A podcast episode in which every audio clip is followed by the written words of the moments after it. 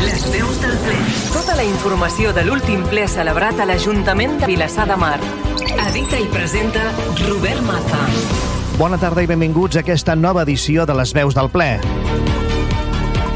La sessió del mes d'abril, celebrada ahir dia 27, va aprovar diferents punts, entre els quals cal destacar diverses modificacions de crèdits, el codi ètic dels càrrecs públics i els càrrecs de l'Ajuntament i el reglament del Consell de la Vila i del Consell Territorial i Sectorial de Vilassar de Mar, òrgans de participació directa de la ciutadania en la política municipal.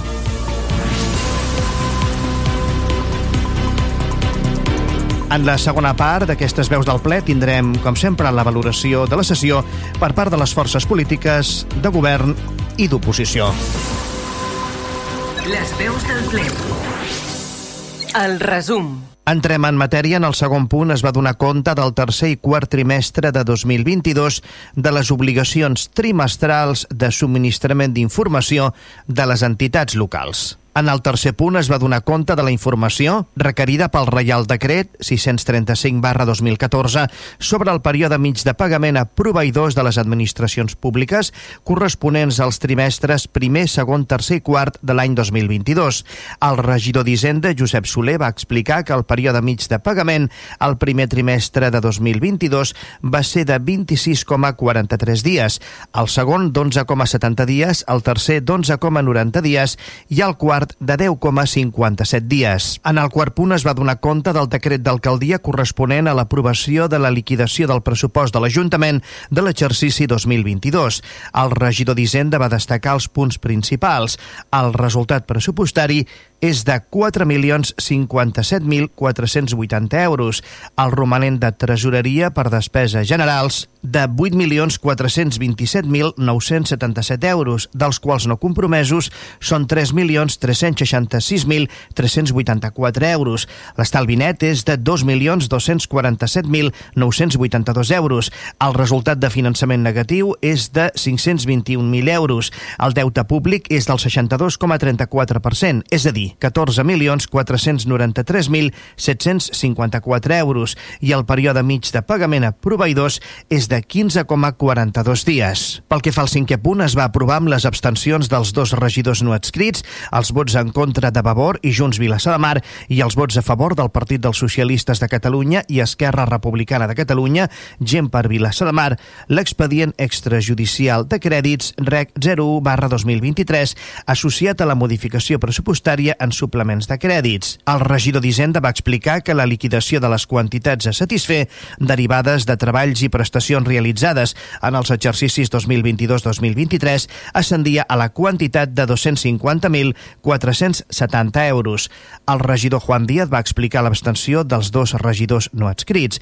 Va recordar que en els últims sis mesos el govern ha portat a ple 11 modificacions de crèdit a banda de les factures d'Urbàcer i va retreure al govern que no hagués fet un esforç per consensuar un pressupost aquest 2023. Des del PSC van recordar que la majoria són factures que van quedar pendents de desembre o altres que per alguna causa no disposaven de crèdit i van valorar de forma positiva que la quantitat global, si es treu la factura d'Urbàcer, comparat amb el 2020, hagués baixat substancialment. Des de Vavor també es va valorar de forma positiva que l'import total fos de 250.000 euros, dels quals 226.000 corresponien a la factura de desembre d'Urbàcer. Va ser aquest fet, el pagament de la factura d'Urbàcer, quan encara no hi havia contracte de residus, el motiu pel qual Vavor va votar en contra del punt. Des de Junts Vilassar de Mar també van apreciar la millora de la reducció de l'import que es portava a ple, però igual que Vavor, en incorporar una factura d'Urbàcer de quan no tenia contracte vigent, van votar-hi en contra. Pel que fa al sisè punt, es va aprovar amb els vots a favor dels dos regidors no escrits, Vavor, Junts Vilassar de Mar i Esquerra Republicana de Catalunya, gent per Vilassar de Mar, i les úniques abstencions del PSC, l'expedient número 5 barra 2023 de modificació de crèdits, mitjançant crèdit extraordinari finançat amb romanent de tresoreria per despeses, per import de 40.000 euros. Aquest import va destinat a la partida del procés de pressupostos participatius 2023 per projectes de serveis. El PSC va considerar considerar que no hauria estat necessari aprovar-ho per modificació de crèdit si s'hagués tingut un pressupost no prorrogat. Pel que fa al setè punt, es va aprovar per unanimitat l'expedient 6 barra 2023 de modificació de crèdits mitjançant suplement de crèdits finançat amb romanent de tresoreria per despeses generals per import de 300.266 euros destinats a l'augment de sou dels treballadors de la plantilla de l'Ajuntament, l'any 2022 d'un 1,5% i l'any 2023 d'un 2,5%. Pel que fa al vuitè punt, es va aprovar amb els vots a favor dels dos regidors no adscrits, Vavor, Junts, Vilassar de Mar i Esquerra Republicana de Catalunya, gent per Vilassar de Mar i les úniques abstencions del PSC, l'expedient número 7 barra 2023 de modificació de crèdits, mitjançant crèdit extraordinari i suplement de crèdits finançat amb romanent de tresoreria per despeses generals, per imports de 100.719 euros i 36.500 euros, com a suplement i crèdit extraordinari, respectivament, en el pressupost de l'Ajuntament de 2023. Els conceptes d'aquests imports són per poder renovar els programes dels treballadors que treballen amb contractes programes. Pel que fa al novè punt, es va aprovar amb els vots a favor d'Esquerra Republicana de Catalunya, gent per Vilassar de Mar, les abstencions dels dos regidors no adscrits i els vots en contra de Vavor i Junts Vilassar de Mar, l'expedient número 13 barra 2023 de modificació de crèdits, mitjançant suplement de crèdit finançat amb romanent de tresoreria per despeses generals, per import de 250.470 euros, per poder pagar el que s'havia aprovat en el punt cinquè.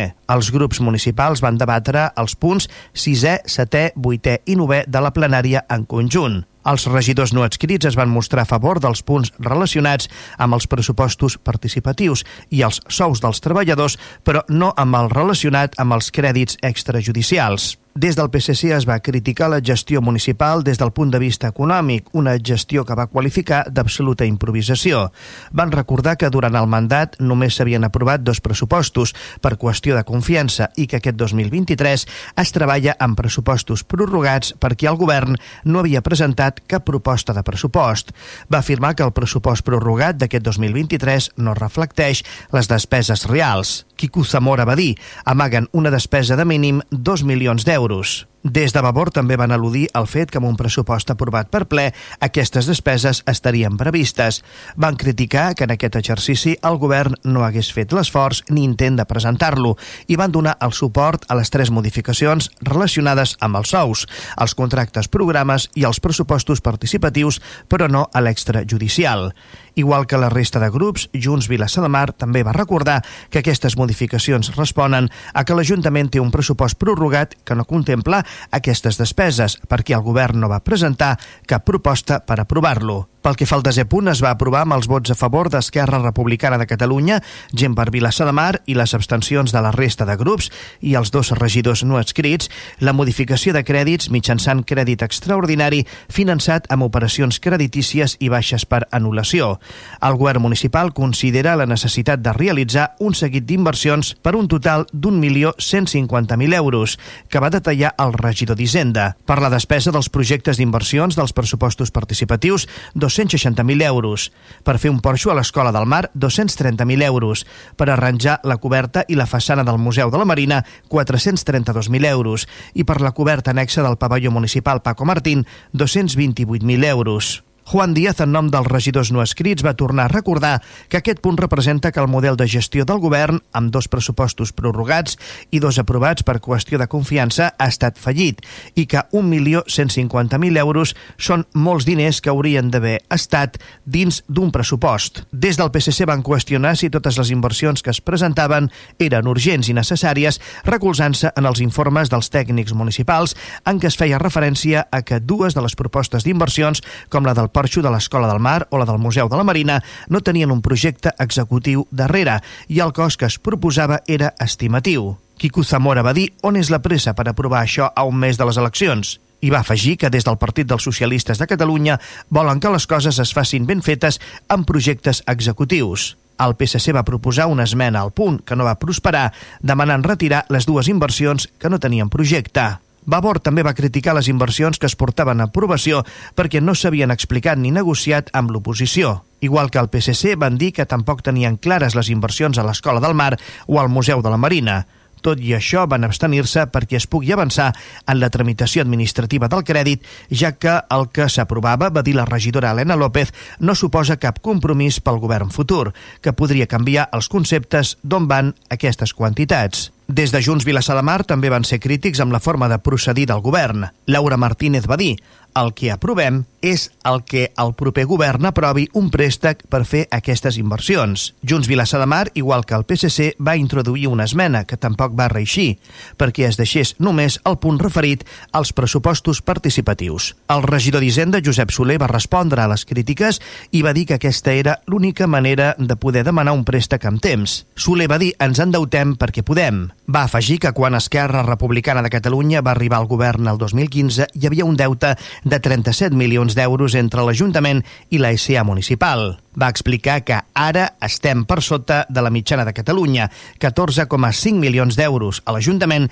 i 3,3 milions d'euros a la SA municipal. Pel que fa a l'11 punt, es va aprovar per unanimitat l'increment salarial del 2,5% de les retribucions del personal al servei de l'Ajuntament per l'any 2023, en aplicació de l'article 19 del capítol 1 del títol 3 de la Llei 31 barra 2022 de 23 de desembre de pressupostos generals de l'Estat per l'any 2023. Pel que fa al 12 punt, es va aprovar per unanimitat el conveni de delegació de competències a favor del Consell Comarcal per la prestació dels projectes en el marc de la política activa d'ocupació, programa Treball i Formació convocatòria anticipada per l'any 2023 de les següents línies. PANP, persones en risc de caure en situació d'atur de llarga durada, no perceptores de prestació per desocupació inscrites com a demandants d'ocupació no ocupades. PRGC, persones inscrites al Servei Públic d'Ocupació de Catalunya com a demandants d'ocupació no ocupades destinatàries de la renda garantida de ciutadania. MG52,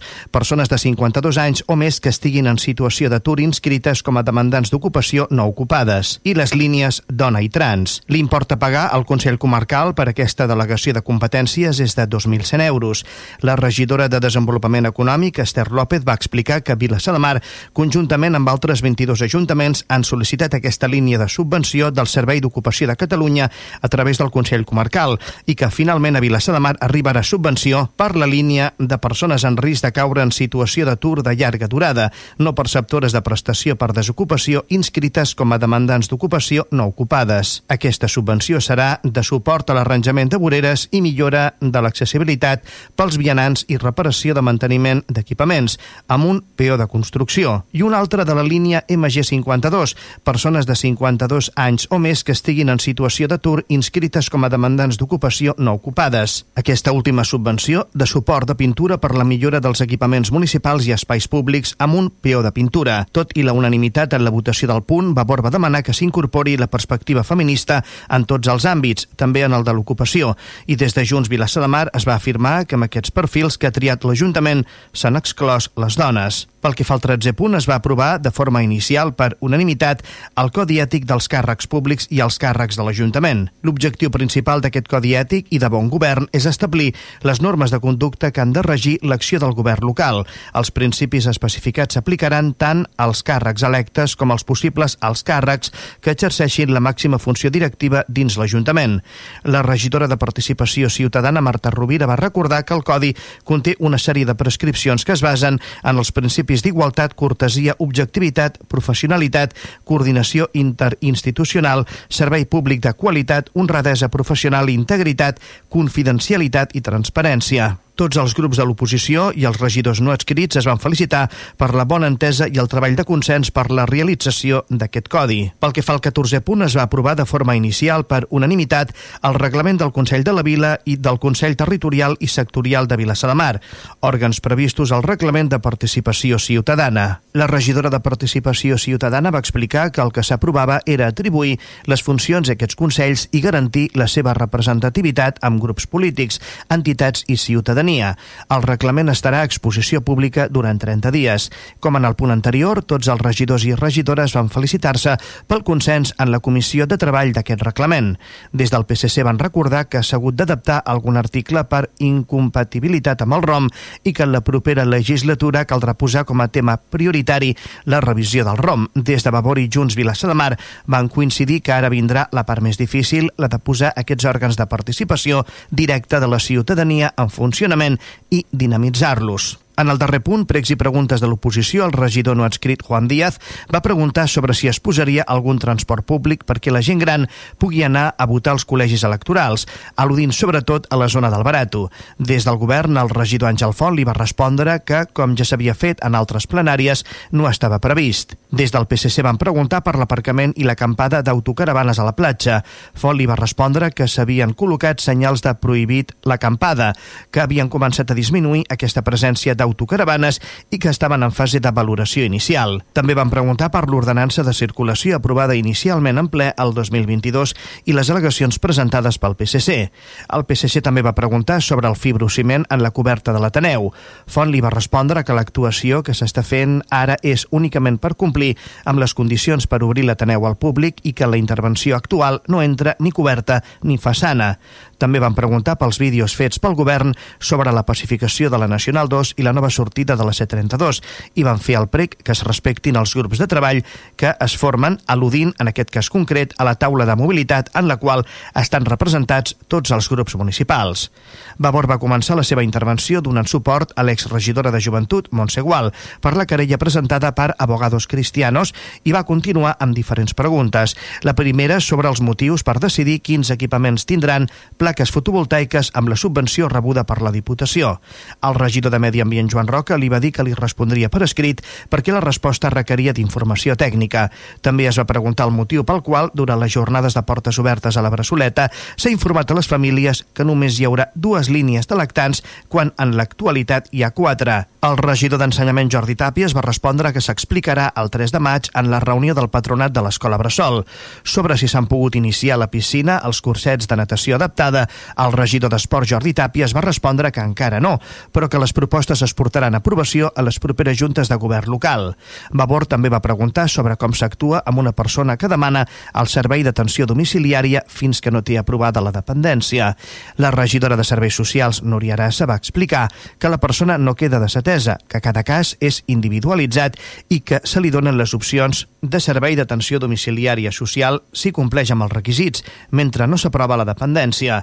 En el torn de Junts Vilassar de Mar van recordar preguntes d'altres plens de les quals no havien rebut resposta del govern, entre elles en quin estat es troba el pla director de la Vall de Sant Mateu o si el problema de goteres amb la nova coberta del pavelló Paco Martín s'havia resolt. Respecte al pavelló, el regidor d'Esports va dir que en principi estava resolt, s'havia pagat i que l'obra està en garantia. Junts Vilassar de Mar també va tornar a preguntar pel tema de la concessió del camp de futbol municipal.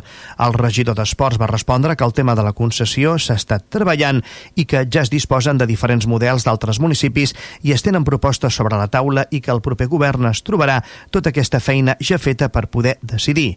També van preguntar sobre el vidre trencat del rètol del cartell de la façana de la biblioteca. El regidor d'Hisenda li va respondre que el rètol ja està adjudicat.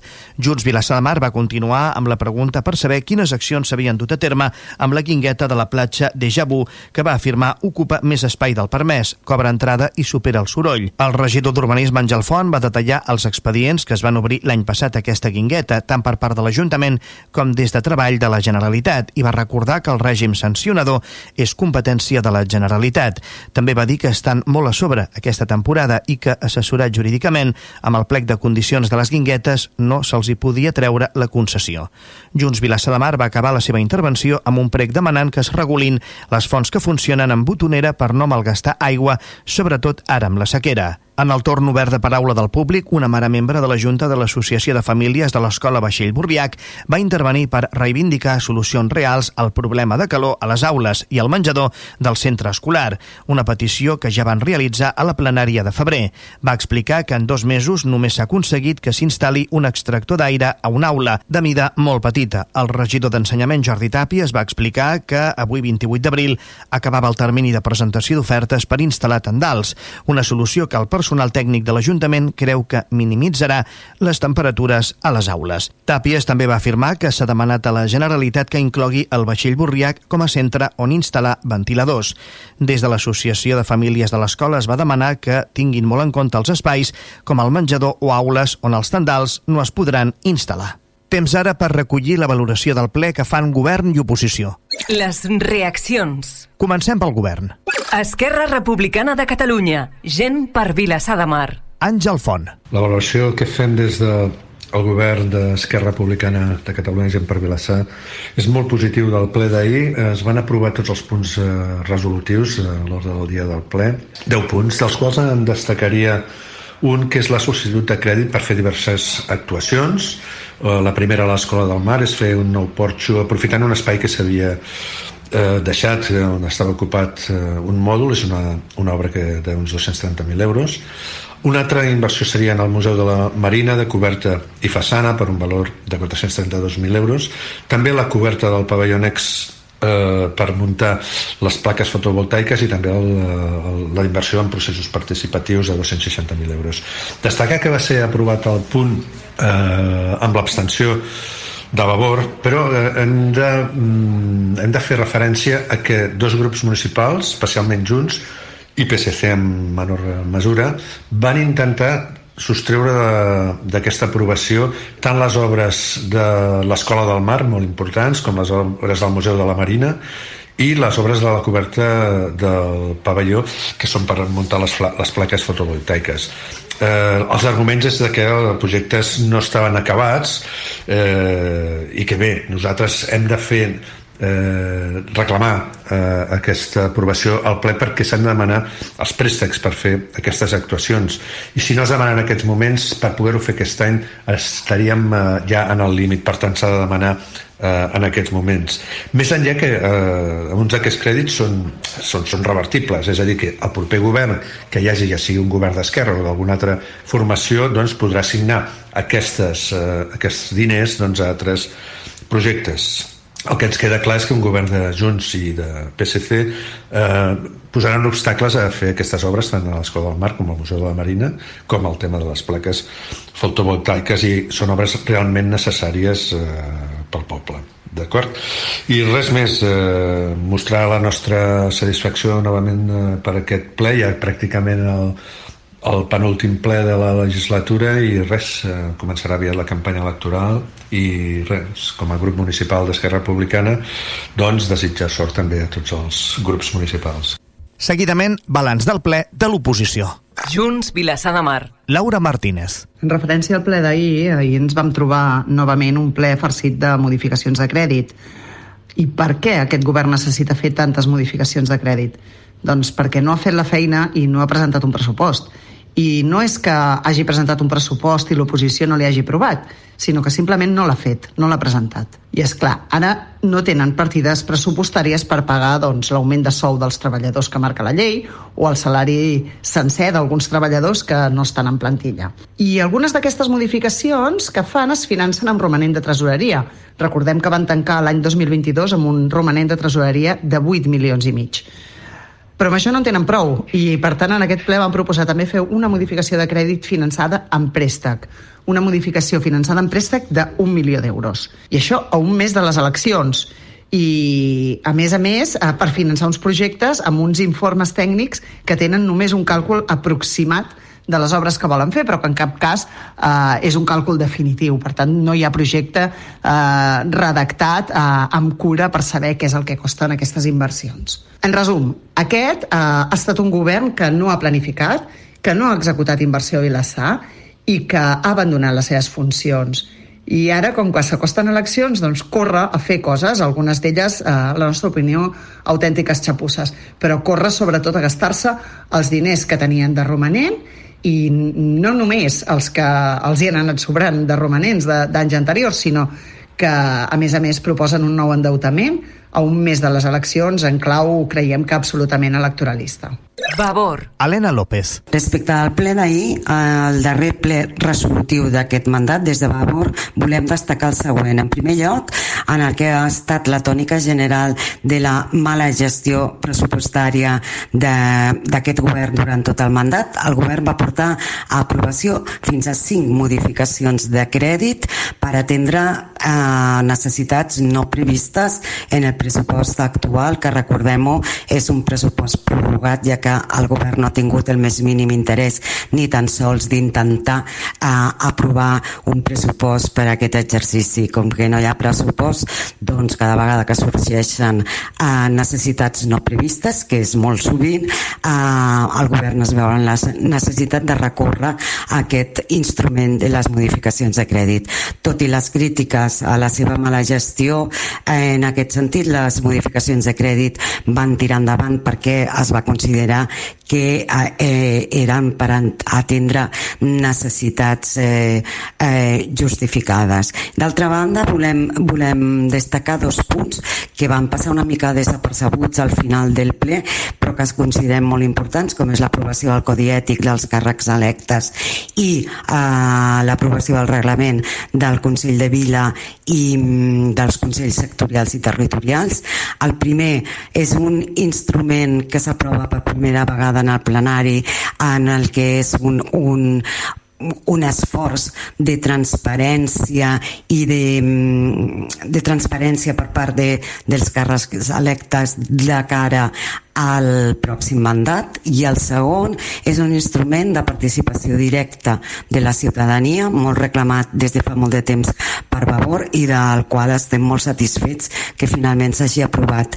Ens posem a disposició del futur govern per tirar endavant la seva posada en funcionament, la seva dinamització i fer que aquests instruments siguin realment una eina útil per la participació de la ciutadania. I finalment destacar la compareixença en el el torn final de, de pregs i preguntes de l'AFA del vaixell Burriac reclamant una solució per una qüestió molt important que porten reclamant des del setembre de l'any passat com és el tema de la climatització de les aules i els espais comuns de l'escola. Uh, el vaixell Borrià, que és un forn, no es pot fer classes de manera normal quan arriba les calors de, de l'estiu. Eh, porten molt de temps reclamant i nosaltres ens posem al costat de les famílies per exigir que una vegada per totes es solucioni aquest tema. Partit dels Socialistes de Catalunya. Quico Zamora. El d'ahir va ser pràcticament el darrer ple d'aquest mandat i bé, va ser un digne colofó d'una gestió de quatre anys marcada per la improvisació i la manca de, de projecte i planificació del govern. En quatre anys eh, el govern ha aprovat dos pressupostos i tots dos eh, lligats a una moció de confiança que totes dues les ha perdut l'alcalde, vull dir, un rècord segurament difícil d'igualar amb un sol mandat. I degut a que no hi ha pressupost, no s'ha prorrogat, pues el govern torna a les modificacions de crèdits per cobrir les necessitats que van sortint eh, en la vida municipal. Això és una, ha sigut una pràctica habitual en aquest mandat, o sigui, manca de planificació al no disposar d'un pressupost que defineixi exactament quines són les necessitats i els ingressos per cobrir-les i després acudir a modificacions de crèdit per anar tapant els forats que, que tenim. I com a guinda del pastel doncs es presenten, eh, com dit, un any sense pressupost, amb el pressupost prorrogat o d'eleccions, a un mes de les eleccions es presenten una modificació de les inversions eh, per més d'un milió cent cinquanta mil euros, però unes inversions eh, no definides, sense projecte, només amb unes estimacions de cots aproximats i inclús amb informes del tècnic que diuen que com el porxo de l'Escola del Mar no es podran fer si no es legalitza eh, el sistema elèctric de l'escola. Vull dir que encara està en dubte la possible realització de la inversió. I tot això eh, es cobrirà pues, amb un préstec bancari que haurà de demanar al proper govern. Al final, una definició d'una gestió de govern erràtica i mancada de planificació i inclús de serietat.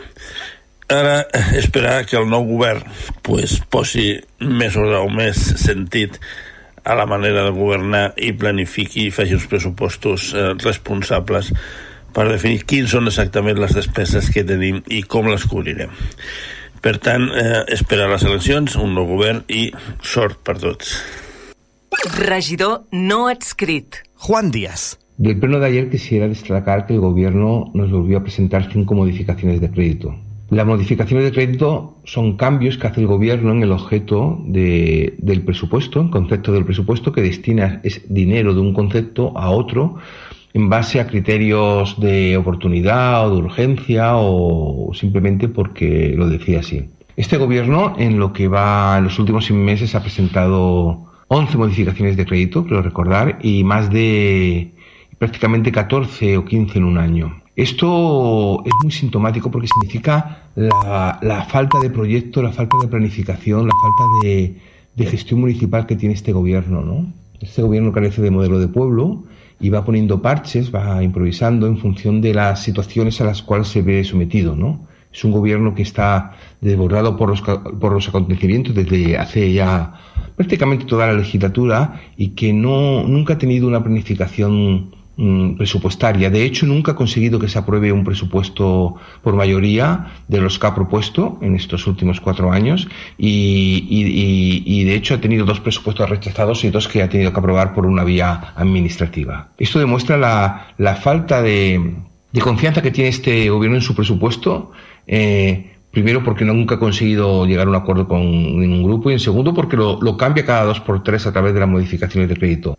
Regidor no adscrit. Javier Cointe. Como resumen del pleno que celebramos ayer, cabe destacar la presentación por parte de, del Gobierno de eh, seis modificaciones de créditos y créditos extraordinarios en lo que ha sido la tónica general durante toda la legislatura y que recibió la crítica unánime de toda la oposición por la falta de capacidad de pactar unos presupuestos durante toda la legislatura. Además, eh, se aprobaron los incrementos salariales de las retribuciones del personal al servicio del ayuntamiento, se aprobó el Código Ético de los Cargos Públicos y Altos Cargos del Ayuntamiento. También aprobamos el reglamento inicial del Consell de la Vila. Y por último, uh, cabría destacar también que asistieron profesores del Colegio del Baixel Burriac a volver a manifestar los problemas que hay con los excesos de temperatura dentro de las aulas, eh, exigiendo al Gobierno que todo el proyecto que hay para solucionar este problema se agilice eh, a la mayor brevedad possible. Les veus del ple. Tota la informació de l'última sessió plenària. Hem arribat a la fi d'aquesta nova edició de les veus del ple, l'espai dels serveis informatius de Vilassar Ràdio que us acompanya periòdicament amb tota la informació de les sessions plenàries que se celebren a l'Ajuntament de Vilassar de Mar. Un espai en el que us oferim el resum d'aquestes sessions i recollim la valoració que en realitzen les forces polítiques de govern i oposició.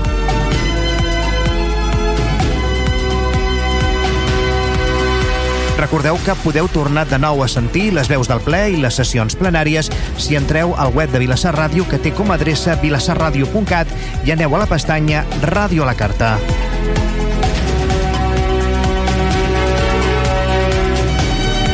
En la producció, realització tècnica i locució, aquest qui us parla, Robert Maza.